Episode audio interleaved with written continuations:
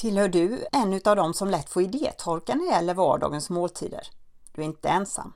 Eller är du kanske en av dem som får massor av inspiration och idéer på god, trendig, hälsosam och nyskapande mat men som har svårt att förverkliga dina planer i en vardag fylld av jobb, vardagens göromål och diverse aktiviteter.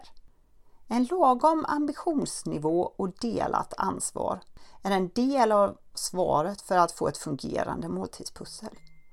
Men också att vara realist och vara övertygad om att tillräckligt bra mat räcker långt för att få sund mat och trevliga måltider. Varje måltid måste inte vara perfekt och självklart kan du ta hjälp för att underlätta matplaneringen, själva inköpen och matlagningen. Vilken modell som passar dig och din eventuella familj är individuellt. Men hur väl vi än planerar och tänker så blir det ibland panik och maten borde stått på bordet för länge sedan. Vad kan vi då servera? Lyssna på programmet och få olika idéer och förslag.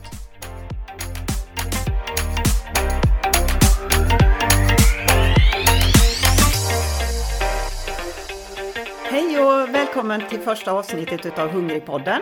Eftersom det här är vårt första program så kommer vi ta en liten stund i början utav det här programmet för att presentera oss och vad vi gör. Eh, och för att ni inte ska missa något så kommer vår producent Linda Larsson att vara med den här gången.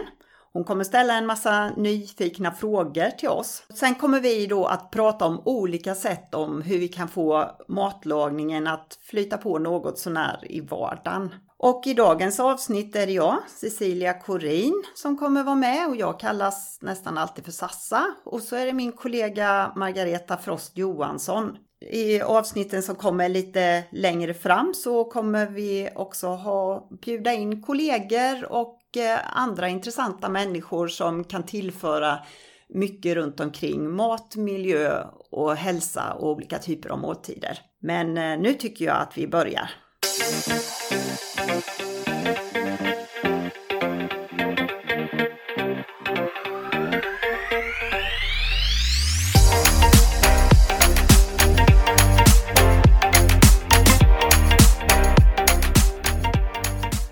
Margareta och Sassa, hur är läget? Det är bara fint. Ja, det är bra här också. Bra. Eh, vi ska ju prata idag lite hur man på ett smidigt sätt kan hantera matlagningen i vardagen som kan vara rätt stressig. Men först och främst, jag skulle veta lite mer om eh, Hushållningssällskapet. Ja, Hushållningssällskapet är en kunskapsorganisation. En modern organisation men med väldigt lång historia. Och vi eh, jobbar med hela livsmedelskedjan från produktion till konsumtion. Vi har 700 anställda i Sverige och vi jobbar med både rådgivning till lantbruket och till landsbygdsföretagande och sen så jobbar vi också med fiske, turismfrågor och vi som är matkonsulter då jobbar med mat, miljö och hälsa. Mm. Och jag vet att eh, ni har funnits ett tag, eller hur Sassa? Ja, 200 år har vi funnits och eh, från 1791. Det är väldigt lång tid. Ni måste ju kunna extremt mycket då, tänker jag. Nu ska jag säga, vi har inte varit med hela tiden jag och Sassa. Även om man kan tro det kanske. Men vad gör en matkonsult egentligen då? För ni kallas ju för matkonsulter. Ja, eh, vi jobbar med mat, miljö, hälsa och livsmedelshygien. Och eh, vi har olika utbildningar, utvecklingsarbete, kurser.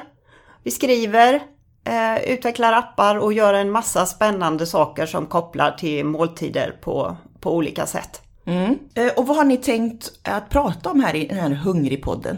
Ja, vi har ju tänkt att prata mycket om eh, måltider och mat, eh, matlagning eh, och detta ofta kopplat till hälsa och miljö för att det ska vara bra eller tillräckligt bra i alla fall skulle jag vilja säga. För det måste ju inte vara perfekt varje dag. Och också att få det att fungera i praktiken. Just det där praktiska ligger oss varmt om hjärtat. Att eh, vårda råvarorna, respekten för råvarorna, Eh, och att anpassa det efter olika personers eh, möjligheter att laga mat och vilja att laga mat. Alla är ju inte jätteintresserade av mat, men man ska ju kunna äta bra även om jag inte är jätteintresserad av att eh, stå och laga mat hela tiden. Nej, för jag har tänkt lite på det. Det står ju om dieter, mattrender precis överallt. Det är en djungel där ute. Så, så hur ser ni på det, Margareta? Jag säger, mat har aldrig varit hetare än nu. Och under alla de åren jag har jobbat som matkonsult på Hushållningssällskapet så känner jag att det har aldrig varit mer högaktuellt. Och man läser ju hela tiden i tidningar och på löpsedlar om olika dieter som du nämnde. Det är ett enormt mediabrus och matutbudet är också, tror jag, större än vad det någonsin har varit. Så det är klart det är svårt att sovra i all information man får, absolut. Mm. Så ni kommer att då hjälpa användare av att kunna hitta rätt i den här djungeln, stämmer det? Ja, det har ju vi tänkt. Ja. Och ha en lagom ambitionsnivå, för jag tror att många blir stressade av det här att det ska vara så perfekt varenda dag. Och det, det behöver det inte vara. Det är klart det ska vara bra, men man kan ta det enkelt och ändå få en jättebra måltid. Mm. Behöver man några förkunskaper för att hänga med här i tugget? Nej, det, det tycker jag inte. Sen eh, kan man ju alltid tänka så här att de som eh, lyssnar på det här kanske är lite extra intresserade utav mat skulle jag kunna tänka mig och kanske ha med sig lite grann. Men vi kommer inte ha ett näringslära-program utan det kommer vi nog gå över lite snabbt och mer kopplat till det rent praktiska. Hur kan jag tolka det här och att förenkla det eh, så. Mm. Så vi kanske inte går in på och pratar om så mycket om enskilda livsmedel eller hur många milligram och vilka funktioner är det som ligger bakom eh, det här. Nej. Utan lite mer praktiskt konkret. Hands-on. Ja, det låter bra tycker jag. Men vilka är det ni riktar er till framförallt? Ja, matintresserade personer, eller de som vill bli matintresserade kanske. Men vi utgår, det heter ju Hungrypodden och den här, och den hör ju ihop med en hemsida som heter hungrig.nu. Och den vänder ju sig till eh, ja, barnfamiljer, men sen har den utvidgats och egentligen så är den för alla som är, vill veta lite mer om mat. På den sidan kan ju man hitta allt möjligt som rör både livsmedel och näring och det finns en receptbank och det finns en mängd olika fakta och information kring mat och den uppdateras varje vecka så att eh, vill man veta lite mer om mat så kan man söka sig till hungrig.nu. När jag kommer hem vid typ 17-tiden på dagen, då är jag superhungrig jag vill äta med en gång och eh, jag har inte så mycket tid. Vad har ni för tips att ge mig då? Ja, ja, vi sitter ju i samma situation allihopa tror jag, eller många gör det i alla fall. Och eh, just den här timmen man kommer hem så är ju det stressigt och eh, har man barn hemma så kan det vara ännu stressigare för de är hungriga, blodsockret är lågt och det gäller liksom att hålla blodsockret i schack under en period där. Har man barn hemma så kan det vara bra att de får äta på någonting direkt kanske. Om man har fruktbitar eller grönsaker eller knäcke eller någonting. Sen kan man ju också låta dem hjälpa till med matlagningen. Det brukar vara ett bra tips. Mm. Men annars så har ju vi, och framförallt och lite enkla, snabba rätter som man kan göra snabbt. Vi kommer ju komma till det lite om eh, tips hur man ska få i sina barn mat på ett bra sätt. Men Sansa, hur, hur har dina matvanor sett ut under åren? Ja, det har varierat väldigt mycket kan jag säga. Om man går tillbaks till när vi hade våra barn hemma, de är vuxna och utflugna nu, Eh, så var det ju väldigt intensivt och då kände jag att jag, för att alltså minska min egen stress och få det här att flyta på utan för mycket kontroverser och så, så var jag nog ganska planerande. Jag är nog en sån person överhuvudtaget. Så jag ville ha, ha koll liksom. Inte sådär superkoll men att eh, det ändå fanns en, en plan för att vi kan laga det här eller den här rätten eller rätt nummer tre idag. Och det kommer gå ganska fort. Eh, så att, att ändå, ändå ha en grundplanering. För det ska ju inte komma som en överraskning på något sätt att oj, vi blev hungriga idag igen. Alltså de flesta människor som har levt några år, de egentligen tänker man, hur svårt kan det vara? Men det är svårt för många och det händer ju mig också. Mm. Kan du ge ett exempel på vad du menar med, med plan och planering när det gäller maten? Ja, vi har ju löst det så traditionellt som att vi har haft en typ av matsedel som eh, kan fungera bra i vardagen. Och då fick, fick man ju liksom tänka mycket så att ja, på måndag så är det föräldramöte, på tisdag så ska jag iväg och träna, på onsdag så har ena dottern träning så och så dags. Och så utifrån vad som ska hända under veckan så man lägger ambitionsnivån där. Den dagen får vi ta rester, där måste det vara något som är snabbt. Den dagen kanske jag hinner laga någonting som vi också kan äta någon annan dag. Eh, och sen också att ha ett delat ansvar tycker jag är viktigt. Ja, men det är ju inte bara en person i en familj som ska se till att det kommer mat på bordet utan att eh, man delar, delar på det. Och säger idag gör du det och ikväll kanske du kan göra det. Och involvera barnen gärna med stigande ålder. Mm. Ju äldre de blir desto mer kan de ju göra själva mm. och få ansvar. Till exempel laga mat en dag i veckan eller så. Ja, okej. Så involvera hela familjen också för att eh, underlätta arbetet. Ja, jag tror det blir roligare. Jag tror det blir mindre konflikter, mer respekt för varandras matlagning och tid och alltihopa. Det är min erfarenhet. Ja, men jag tycker det låter som en eh, bra idé. Men om det nu är panik då Margareta, vad lagar du då? Till exempel så kan, eh, för att göra det riktigt enkelt, har man en burk pesto hemma så kan man koka pasta och så eh, blanda den med pesto och så ha lite grönsaker till. Det är ju vansinnigt enkelt och snabbt. Pesto överhuvudtaget kan också vara bra att bre på om man har laxbitar eller såna här frusna fiskbitar. Som man tinnar upp och brer på och så in i ugnen. Det är ju sån här verkligen snabb, snabb mat. Eller woka grönsaker. Eh, om man har det i frysen eller har färska. Och sedan som man eh, har couscous till det, det är ju också snabbt. Där kan man nästan få en middag bara på en kvart. Med woka grönsaker och couscous och blanda och så kanske någon kall sås till eller så. Och sen har ju man några räddningsplankor som man brukar liksom ha lite då och då. Och eh, någonting som är väldigt enkelt är ju att göra en tomatsås med röda linser till exempel. Och det kan man ju alltid ha hemma också, för det tycker jag är bra att se till att det finns lite bra råvaror hemma så man kan fixa någonting snabbt. Om man har lök och vitlök och krossade tomater kanske och röda linser eh, som är väldigt snabbkokta så fixar man ju en jättegod sås snabbt av det och så med pasta till och lite riven parmesan på så är ju det en superrätt. Ja, eh, du berättar ju Margareta att du ibland har såna här matkassar som kommer hem. Hur tycker du att det funkar? Mm, jag har prövat faktiskt de flesta varianter lite till och från. Och eh, jag tycker de är jättebra och jag tycker det är fantastiskt att kunna köpa den bekvämligheten emellanåt.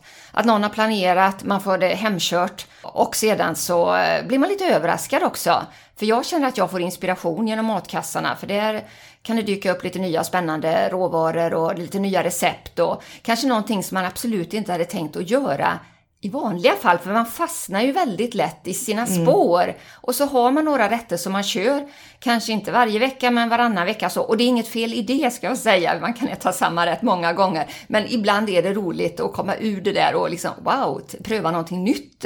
För det får man möjlighet till genom kassarna, absolut. För jag känner att jag får mycket inspiration där. Ja, och Sasta, hur gör du nu för tiden då? För du använder inte matkassar.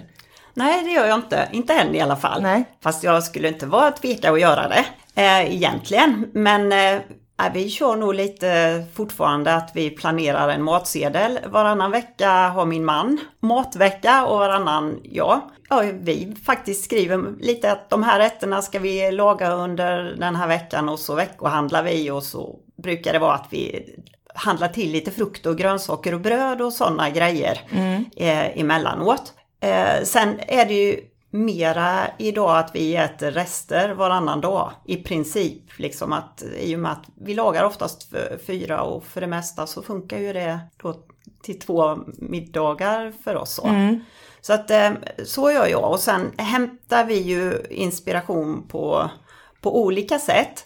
Min man använder en av våra stora matkedjors eh, sida för att lägga en meny och inköpslista och så. Så, så gör han och tycker det är jättebra. Eh, jag styrs väldigt mycket av vad finns hemma, eh, vad är det för säsong, också vad jag jobbar med just då. För att det kan ju vara att jag under en period som nu så har, jobbar jag i ett projekt där vi testar bondbönor och åkerbönor eh, och sötlupin. Och då blir det ju att jag vill testa och prova hur funkar de i pannkakor, i eh, olika omeletter, hur, vad, hur kan jag använda dem som pålägg och så. Och då vill jag testa det. Eller några andra grejer som vi gör. Sen är det ju också inspiration från alla möjliga håll. Ibland så tänker jag så här, wow, nu har jag kommit på det här själv. Nu ska jag göra den här rätten. Och sen upptäcker jag ju att hmm, jag har nog bläddrat i den där tidningen eller sett det här på något Facebook-inlägg eller Instagram-konto så att plötsligt så, så inser jag i efterhand att jag har fått inspiration någonstans ifrån. Men om man då vill eh, jobba med matsedel då, eller veckohandla, hur ska man tänka då? Hur ska man lägga upp eh, dagarna? Liksom kött eller vegetariskt eller ja, hur tänker man där bäst? Det vanligaste är väl att man har eh, en dag för varje råvara. Eh, kanske har en fiskdag eller man kanske till och med har en soppdag till exempel. Man har en eh, dag där man äter fågel på något sätt eller ja, så att man lägger upp eh, så man har en dag utav varje. Eh, sedan så Klart att det här kan kännas lite överambitiöst för det är ju inte så att man måste äta olika varenda dag, verkligen inte. Lagar man till exempel en pastasallad en dag så kan ju man gott äta den två dagar i rad. Eller om man lagar på kvällen och har det i lunchlåda dagen efter och så. så att, eh, men en dag utav varje råvara och så kan man titta lite grann också på vad som är säsong och en del tycker det är bra att nyttja de möjligheter till eh, rabatter som finns på vissa kedjor och så. Så att eh, man planerar och det är ju bra att göra det kanske i början av veckan och att mm. man gör det tillsammans då och delar upp ansvaret så att mm. det verkligen inte hamnar på en person, precis som Sassa sa, utan det är ett delat ansvar. Mm. Och jag tror att ju tidigare man får in barnen i matlagning och låter dem ta ansvar, sen tar de ansvar själva sen mm. också. Men på tal om barn då, jag vet ju att det är väldigt många som har svårt att få i sina barn grönsaker och andra sådana här nyttigheter. Har ni några tips på hur man ska göra? Ja, eh, att vara en bra förebild är ju alltid alltid grunden, tänker jag. Ät grönsaker själv och visa att du tycker om det och prata gott om det. Eh, många barn gillar ju också att äta grönsaker var för sig. Så att det inte är för mycket blandat. De kanske gillar tomater för sig och de gillar morötter för sig och lök och så vidare. Men inte när det är ihopblandat eller gojsat så man inte ser vad det är. Så det kan vara en sak. Ehm, ett annat kan ju också vara att eh, sätta fram grönsakerna innan maten när man kommer hem och är jättehungrig så sätter vi fram lite bitar av morötter eller eh, kålrötter eller blomkål till exempel så kan de knapra på det innan måltiden och då får de ju också i sig grönsakerna på det sättet. Mm, mm. Så att starta, då är de hungriga och positiva liksom till att äta. Och sen en annan sak, det är ju överhuvudtaget se till att det finns grönsaker tillgängligt. För finns det inga grönsaker hemma så äter man absolut inga. Ibland så kan det vara lite så här, åh, att man tycker det är lite präktigt och töntigt det här med grönsaksstavar och så. Men jag kan berätta när jag hade min son hemma när han var liten och hade kompisar hemma. Så tänkte jag liksom en gång att nej men nu ska jag skoja till det lite här. Och gjorde grönsaksstavar och blomkålsbuketter och sa nu får ni fredagsmys liksom. Och då sa de andra killarna, vad fräckt! Så det, det finns mycket myter kring det här när det gäller grönsaker tror jag som eh, man ska stå över helt enkelt. Mm. Men föregå med gott exempel och alltid ha det hemma. Det är tipsen. Alltså. Absolut. Ja. Jag måste bara säga så att våra barn hemma de gillar frusna grönsaker. Alltså frusna ärtor, frusna majskorn och sånt som man kanske tänker, va? Kan man äta det? Men det blir ju liksom en helt annan smak. Och just ärtor och majs och sånt, det är ju en lite söt smak i. Så ja, det är faktiskt rätt många barn som gillar att äta grönsaker så. Istället för glass då eller? Jo, kanske. Det, ja, men det är sötma, det är ah. kallt, det är en annan konsistens liksom. Så att det, prova olika sätt. Och sen, sen tror jag också som förälder, man ska inte ge upp. För det är ju så här med barn och nya saker, att det tar tid att vänja sig och man behöver träna på nya smaker. Utan fortsätt att servera grönsakerna, ät dem själv. Barnen kommer äta det till, till slut, jag, jag lovar. Mm. Jag tycker det är så spännande. Vi brukar alltid ha en skål med såna här små cocktailtomater i olika färger hemma. Har vi alltid haft och alla springer och plockar i den här så smågodis ungefär. Och nu när min son har flyttat hemifrån och jag kom hem till honom första gången, då stod det en likadan skål hos honom. Så att det, det, det, det lönar sig. Du har skapat en bra vana där helt ja. enkelt. Ja. Men okej okay då, vad är det man alltid bör ha hemma då för att underlätta matlagningen för sig själv och för sin familj? Frusna grönsaker säger jag ju igen då. Som man kan stoppa i barnen när de är jättehungriga. Ja, men det är en jättebra grund och det är bra kvalitet. Eh, det blir ju i princip inget svinn för jag kan plocka fram precis bara det jag behöver och det finns en variation. Hitta några sorter som man själv gillar att ha. Jag skulle säga, jag har alltid ärtor, spinat, wokgrönsaker, kanske några majskorn. Det är några saker som jag brukar ha hemma. Sen om man tittar i kylskåpet så brukar jag nästan alltid se till att det finns potatis, morötter, lök, eh, i kylskåpet. Och vitlök, fast den ligger oftast utanför kylskåpet i och för sig. Men jag kan nästan inte laga mat utan vitlök alltså. Lite konserver. Eh, krossade tomater, det tror jag Maggan pratade om här innan också att hon hade i någon tomatsås och så. Kokosmjölk, lite tonfisk, makrill i tomatsås. Några grejer som man själv känner att det här använder jag är lätt att använda. Det brukar finnas eh, tetrapack med kikärtor, linser, vita bönor, svarta bönor, flera olika sorter. Även en del torkade som går lite snabbt att tillaga som svarta, gröna eller röda linser, mungbönor. Det är ju några som går väldigt snabbt att tillaga och som inte kräver en massa blötläggning. Så att även om de inte är kokta så går det fort liksom. Mm. Och du då Margareta, har du några tips på vad man Ja, ska förutom hemma? det som Sassa har sagt så är det torrvaror som man eh, har hemma, som jag brukar ha hemma. Lite pa pasta i olika varianter, ris eh, och sen eh, matkorn också av olika sorter. Couscous, bulgur, quinoa tycker jag också är väldigt gott och går snabbt att laga. Så det brukar jag alltid ha. Sen alla möjliga typer av smaksättare som man man kan ha hemma och som har lång hållbarhet. Jag har ju nämnt pesto som är en sån här bra och den finns ju också i olika varianter och färger. Sen brukar jag alltid ha kapris och oliver hemma som jag tycker förgyller sallader på ett alldeles fantastiskt sätt. Och olja och vinägrett så man kan göra en god dressing. Det är väl det som jag förutom då det Sassa sa brukar ha hemma. Och eh, det här är ju varor som står sig. Det är väl det man ska tänka på basförrådet då, att det är varor som står sig och som kan stå, man snabbt kan fixa ihop någonting. Eh, utav då, utan kanske att ha planerat så noga, utan man kommer hem och oj, nu ska jag laga någonting. Och då menar ni att då är det smidigt att åka och handla till exempel köttfärs och ko- koka ihop någonting av det man har redan hemma då? Till exempel, eller om man helt enkelt gör en vegetarisk sås. Vill man ha köttfärs så kan ju man eh, köpa det bara det den dagen och i så fall. Så, eh, sen är ju en sak som vi kanske inte har nämnt, men det här när man ska tänka lite framöver att man kanske gör dubbel mängd pasta en dag. Och så har man den till köttfärssås en dag. Nästa dag så blir pastan eh, eh, tillsammans med någonting annat en sallad. Så att man liksom tänker lite i förväg också. Och likadant om man gör tomatsås, att man kan göra en stor sats. Och så har man den i lasagne nästa dag. Man kan göra, eller dryga ut den med lite annat och göra en tomatsoppa en tredje dag. Så att det finns, eh, eh, ja, man gör sina egna halvfabrikat kan man nästan säga som man har på lut. Sen är ju ägg ett fantastiskt livsmedel. Med lite ägg hemma så finns det alltid mat att göra. Det går ju jättebra att göra en helt vanlig omelett. Men ägg kan man ju också koka och de passar ju som pålägg men också som ett fantastiskt tillbehör för att göra en eh, sallad eller soppa lite matigare. Det går att göra puddingar och pannkakor och pajfyllningar och, användas till bakningar. Det är ju ett härligt livsmedel. Och sen kan det ju vara bra att ha lite grejer i frysen som färdiga falaflar, köttbullar, några fiskbitar och annat som är lätt att komplettera med potatis eller pasta och gryn och lite grönsaker.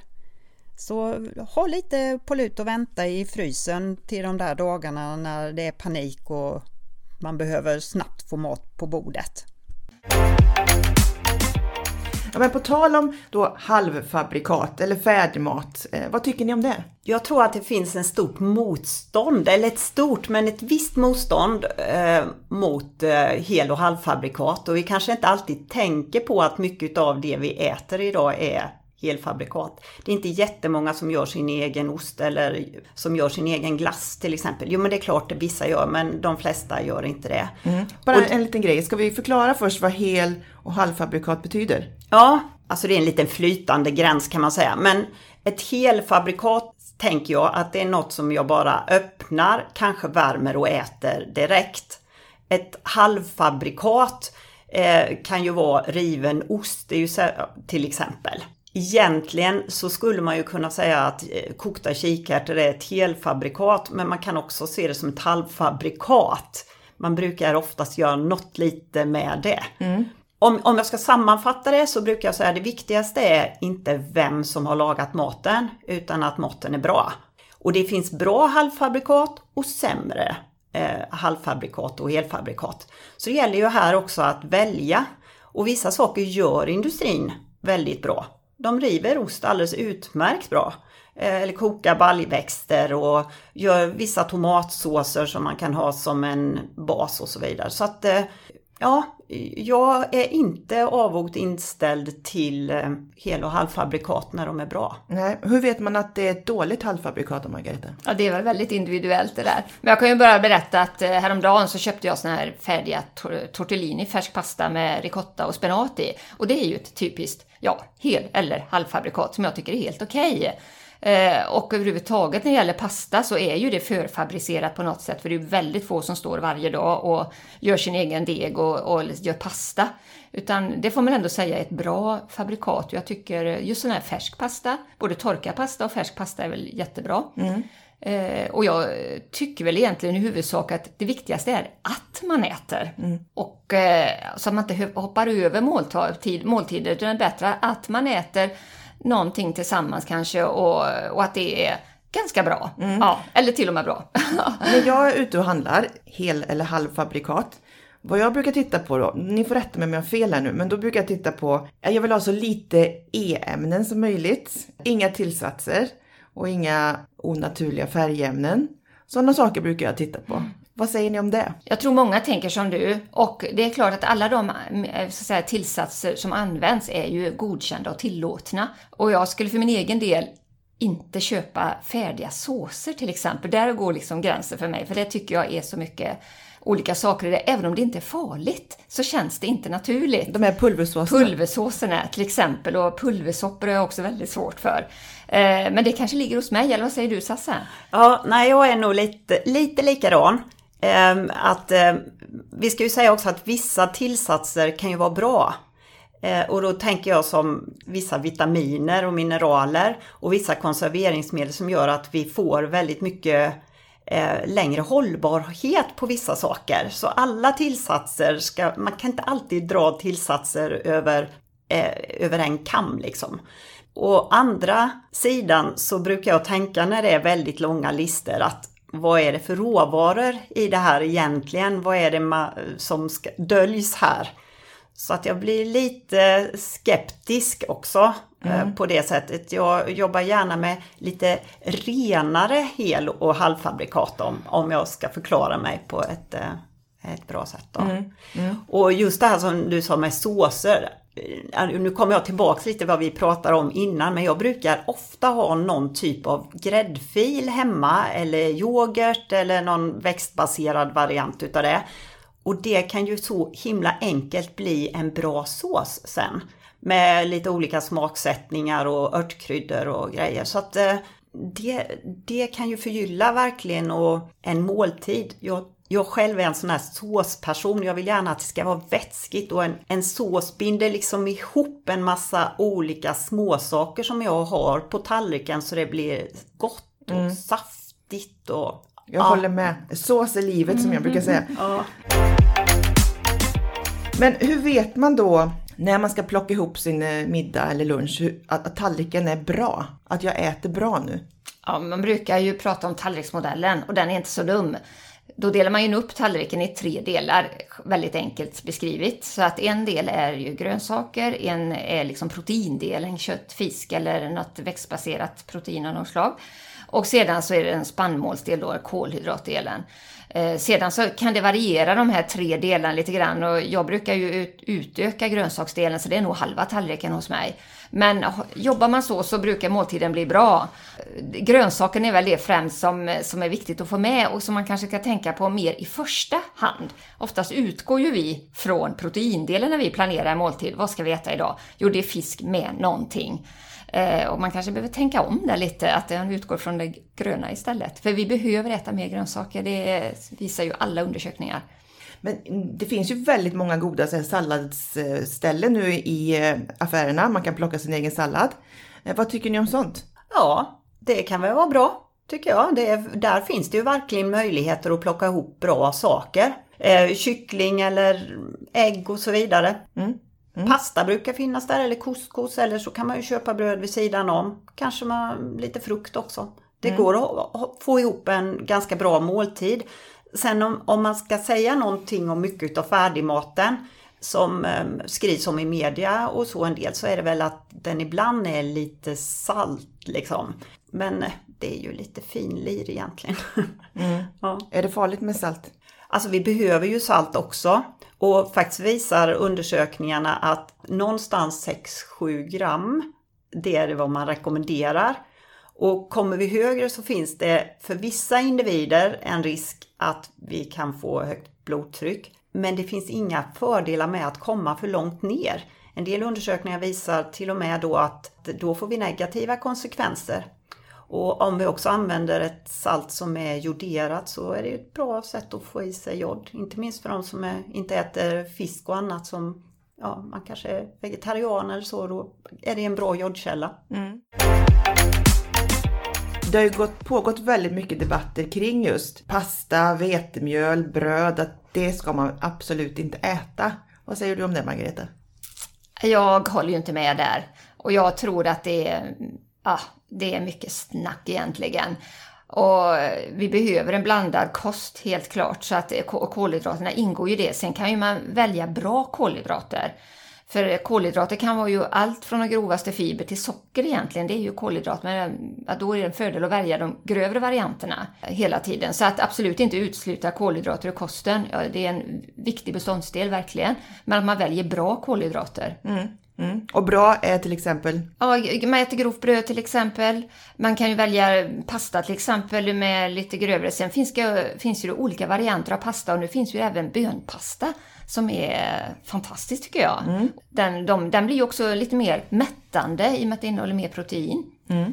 Sen, sen är jag ju väldigt förtjust i potatis och eh, äter det i olika varianter. Och så här nu när det finns färskpotatis så tycker jag det är fantastiskt att kunna både äta den färsk och, som den är men också kanske koka lite större mängd och ha kall som man kan använda i sallader och så sen. Eh, det tycker jag är superbra helt enkelt. Och eh, man pratar ju mycket om det här med tvättad eller inte tvättad potatis och där tycker jag det är en väldigt stor fördel att kunna köpa den tvättade potatisen idag. För då så är det bara att lägga den i grytan och koka och det går väldigt snabbt. På 20 minuter är den klar och så kan man laga resten av måltiden under tiden. Mm. Smart, smart! Nej, nu börjar jag faktiskt bli eh, lite hungrig när vi pratar om så mycket mat här. Vad ska du äta till middag idag Sassa? Eh, vi ska göra en kall soppa. Eh, det är sommar nu Visserligen just idag lite regnigt men eh, det är det som står på menyn eller som är tanken om vi inte ändrar oss. Eh, och det är en soppa med eh, gröna frusna ärtor, eh, lite fräst lök från början är det den också och äpplen och så späder man det. Så det är ju nästan som Alltså man mixar ju den här soppan så det är ju nästan lite som en shot eller smoothie eller något fast den är grönsaksbaserad. Eh, lite matiga mackor till det hummus och i detta fallet så är det nog en ganska traditionell eh, hummus som vi äter på något Gör du den bröd. själv? Ja, ja, det brukar vi göra. Fast min man köper den färdig ibland men jag gör den och det kan vara på kikärtor och det kan vara på eh, sötlupiner och bondbönor just nu då som jag pratade om innan eller på vita bönor. Det är lite olika och ibland lägger jag i lite vanliga gröna ärtor eller rödbetor eller jag smaksätter på olika sätt. Mm. Ibland kan man ju tänka också så här, wow den där hummusen, nu ska jag bryna vitlöken och så blir det en helt annan smak på hummusen. Så, så där tycker jag är roligt. Jag har ofta liksom lite utgångsrecept som jag sen justerar lite. Mm. Mm. Har, har, du eh, tahini i din hummus eller är det bara själva råvaran? Jag kör gärna tahini eh, när jag kör den hemma. Sen eh, om vi har utbildningar som vi har ofta i skola och förskola och så vidare. Då är det ju inte förbud ska jag säga, men en rekommendation att inte använda sesam utav allergiskäl. Mm. Så när vi har utbildningar där så gör vi varianter utan och det blir ju väldigt bra det också. Men får jag välja själv så vill jag gärna ha rätt mycket tahini i faktiskt. Mm. Och du då Margareta, vad ska du äta idag? Jag tror det blir kylskåpsrens hos mig idag. Och, eh, så jag ska göra en sån här eh, sallad niçoise med sallad förstås jag har kallkokt potatis som jag skivar, lite haricots har jag i frysen. Några, kokar några ägg med äggklyftor och så tonfisk och lite oliver och kapris och lite ja, paprika och tomat.